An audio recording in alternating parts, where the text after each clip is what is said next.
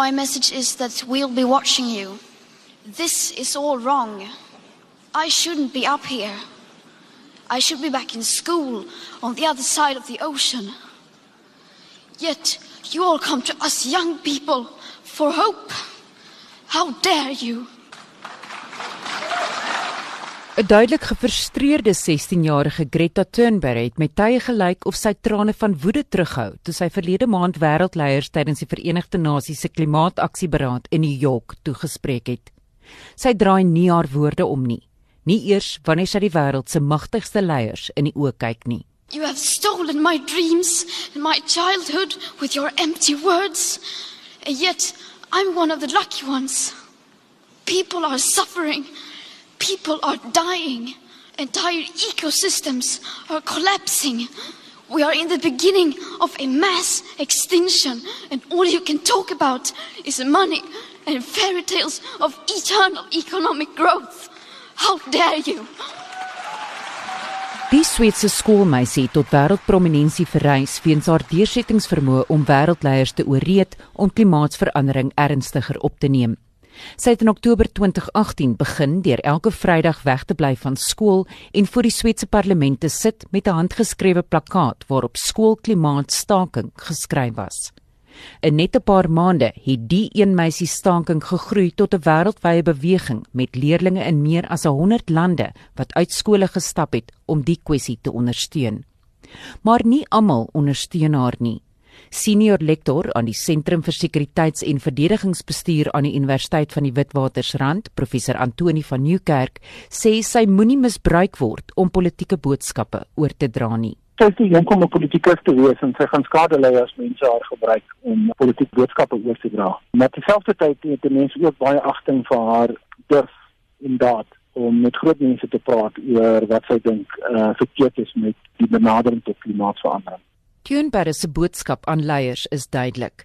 En soos dikwels in die verlede beskuldig sy hulle dat hulle nie genoeg doen om klimaatsverandering te bekamp nie. For more than 30 years, the science has been crystal clear. How dare you continue to look away and come here saying that you're doing enough when the politics and solutions needed are still nowhere in sight? You say you hear us and that you understand the urgency. But no matter how sad and angry I am, I do not want to believe that. Because if you really understood the situation and still kept on failing to act, then you would be evil and that I refuse to believe. In Rome is gister 'n pop wat Thunberg voorstel gevind wat van 'n brug hang. Die pop met twee vlegsels was in 'n reënjas geklee, soos wat sy dikwels dra. Dit is op dieselfde dag gevind as wat duisende mense in stede reg oor die wêreld aan betogings deelneem om op aksie teen klimaatsverandering aan te dring. Thunberg het die protesoptogte in die verlede ondersteun. Professor van Nieuwkerk sê hy meen sy is te jonk om te verstaan wat al die drukpunte is wat werklik op die skouers van besluitnemers rus. Daar's 'n probleem met haar benadering. Sy het by die Verenigde Nasies gesê dat sy kwaad vir die regerende elite globaal want hulle weet wat verkeerd is, maar hulle doen baie min daaraan. Ek dink die realiteit is baie kompleks. Om die internasionale gemeenskap te kry om saam te werk om een oplossing aan te bied vir aardverwarming. Dit verg meer as net 'n uh, optogte in die straat en so aan dit verg van big business en van mense met geld om aandag te gee aan die probleem uh, van klimaatsverandering. Van Nieuwkerk is van mening dat ekonomie aangepas sal moet word en dat dit wel gedoen sal moet word, maar dat dit baie meer kompleks is as om bloot optogte daaroor te reël en gehore daaroor toe te spreek. Dit gaan 'n industriële revolusie verg om gebruik te maak van nuwe tegnologie soos wind, son en water en dit gaan verg dat ekonomie sal moet aanpas en ons weet hierdie goeders. So dis dis belangrik dat sy ons herinner dat ons nie tyd het om te verloor om aandag aan hierdie goeders te gee nie. Maar die onderhandelingsproses uh, vind op ander vlakke plaas in my opinie tussen mense wat mag het, ekonomiese en politieke mag. En ek dink daar speel sy geen rol nie, sy's hoogstens 'n uh, irritant en 'n uh, klippie in die skoen. En ek dink nie sy is enigstens belangrik vir die groter spel nie want per slot van rekening gaan sy nie pa moet staan of ma moet staan vir die besluite wat geneem word deur regerings nie. Hy meen dit is presies hoekom sy 'n politieke speelbal raak. Die Amerikaanse president Donald Trump het na afloop van haar emosionele toespraak by die Verenigde Nasies haar toespraak hertweet en 'n skynbaar sarkastiese opmerking daarbey gemaak waarin hy geskryf het: "Sy lyk soos 'n baie gelukkige jong meisie wat uitsien na 'n wonderlike toekoms, so goed om te sien." Die Russiese president Vladimir Putin het haar daarvan beskuldig dat sy versuim om die realiteite van 'n komplekse wêreld te verstaan. Hy het gesê: Ek is seker Greta is 'n gawe en baie opregte meisie, maar volwassenes moet alles moontlik doen om nie tieners en kinders aan sekere ekstreme situasies bloot te stel nie. Thunberg het in die verlede herhaaldelik teruggekap en gesê sy word deur niemand gebruik nie. Ek dink sy het 'n political coach gekry wat haar touwys maak en vir haar soort van woorde en sinne leer. Maar daar's 'n ander probleem waaroor ek my nie regtig wil uitwy nie en dit is dalk dat sy met emosioneel dalk sensitief is en dat mense dalk gebruik maak daarvan om haar net op 'n hoë emosionele manier te laat praat wat dadelik die aandag trek na wat sy sê maar in die proses kan haar boodskap verlore gaan want ek dink die manier waarop sy praat en die manier waarop sy lyk daai passie en drif is 'n bietjie oordrewe en ek dink dit doen haar boodskap skade aan hmm. Teenberre neem op die oomblik 'n sabbatsjaar van skool om konferensies en vergaderings met beleidsmakers oor klimaatsverandering by te woon. Sy weier om te vlieg weens die hoë emissievlakke van vliegtye. Op Maandag het sy en nog 15 kinders saam met die Verenigde Nasies 'n klag ingedien waarin beweer word dat 5 van die wêreld se grootste ekonomieë hulle menseregte geskend het deur nie voldoende aksie te neem nie teen die ontvouende klimaatskrisis. Die petisie noem 5 lande: Duitsland, Frankryk, Argentinië, Brasilië en Turkye. Sy het aan die leiers in New York gesê haar boodskap is eenvoudig: Ons hou julle dop. Van Nieuwkerk meen dat sy dalk ook 'n klippie in die skoen geword het vir groen aktiviste. Ons praat van mense wat baie jare spandeer het om baie ernstige navorsing te doen, projekte van stapel te stuur om die wêreld bewus te maak van die probleme met aardverwarming. En hier kom sy met een of twee emosionele opsweep toesprake in soort van en neem die aggressive limelight sy soet van dit is in die lig en ek dink sy gaan nie baie vriende maak in die kringe waar hierdie goeders baie ernstig opgeneem word nie.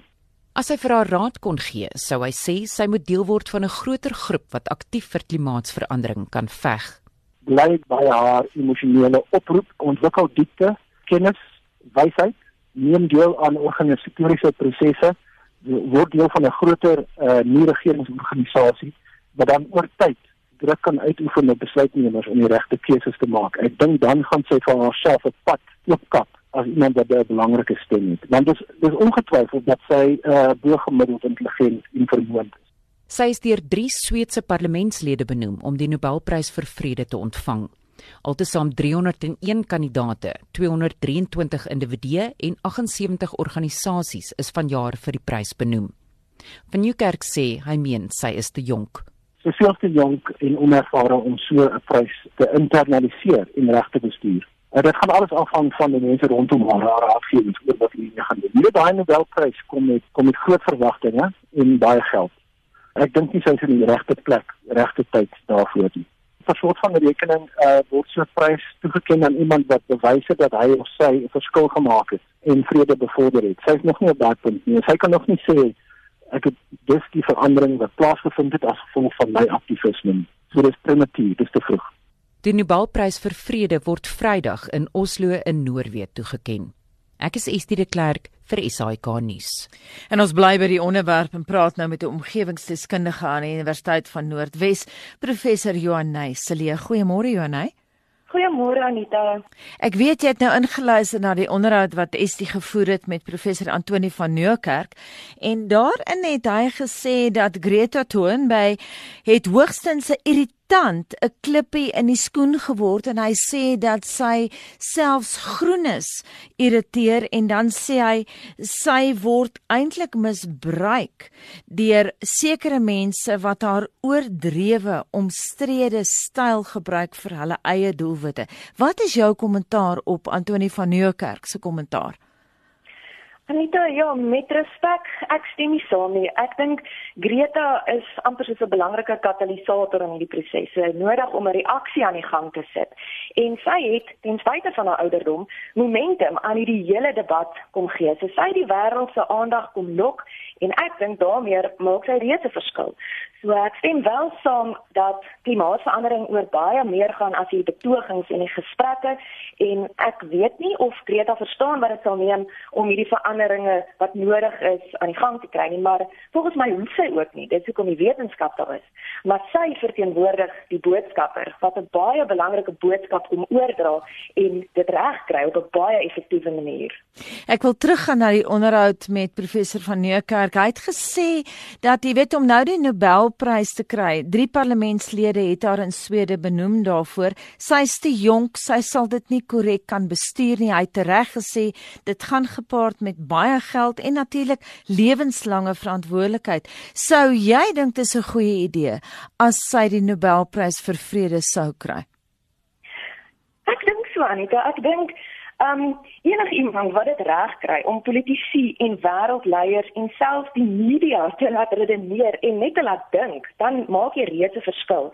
En die wêreld staan stil. So dit is iets wat die wetenskap in 30 jaar nie so effektief reg gekry het nie. En sy het vir ons kom wys hoe groot rol gemeenskappe en individue kan speel um, om hierdie omgewingsgesprekke aan die gang te kry. So Ek dink ek dink ja, dit is verstommend dat kinders so ver moet gaan om groot mense te oortuig om goeie rentmeesters te wees en Greta se rol om hierdie boodskap oor te dra, dink ek verdien 'n prys. Dink jy nie sy word gemanipuleer deur sekere mense nie? Ek weet nie. Ek kan my nie werklik daaroor uitspreek nie want ek het nie eerstehandse kennis nie. Ek volg wel haar sosiale media platforms en daar het sy onlangs 'n stuk gedeel wat sy beskryf hoe haar omgewingsaktivisme begin het en dat haar ouers aanvanklik nie ten gunste was daarvan nie. Maar ja, mens alles wat jy kan lees glo, dis daar weet ek ook nie is nog een van ons moderne probleme, maar dit is 'n oortuigende stuk en sy gee ook daarin toe dat sy mense vra om die inhoud en van haar um, die teks en die praatjies bietjie na te gaan omdat sy dit so aan die wêreld gehoor voorhou.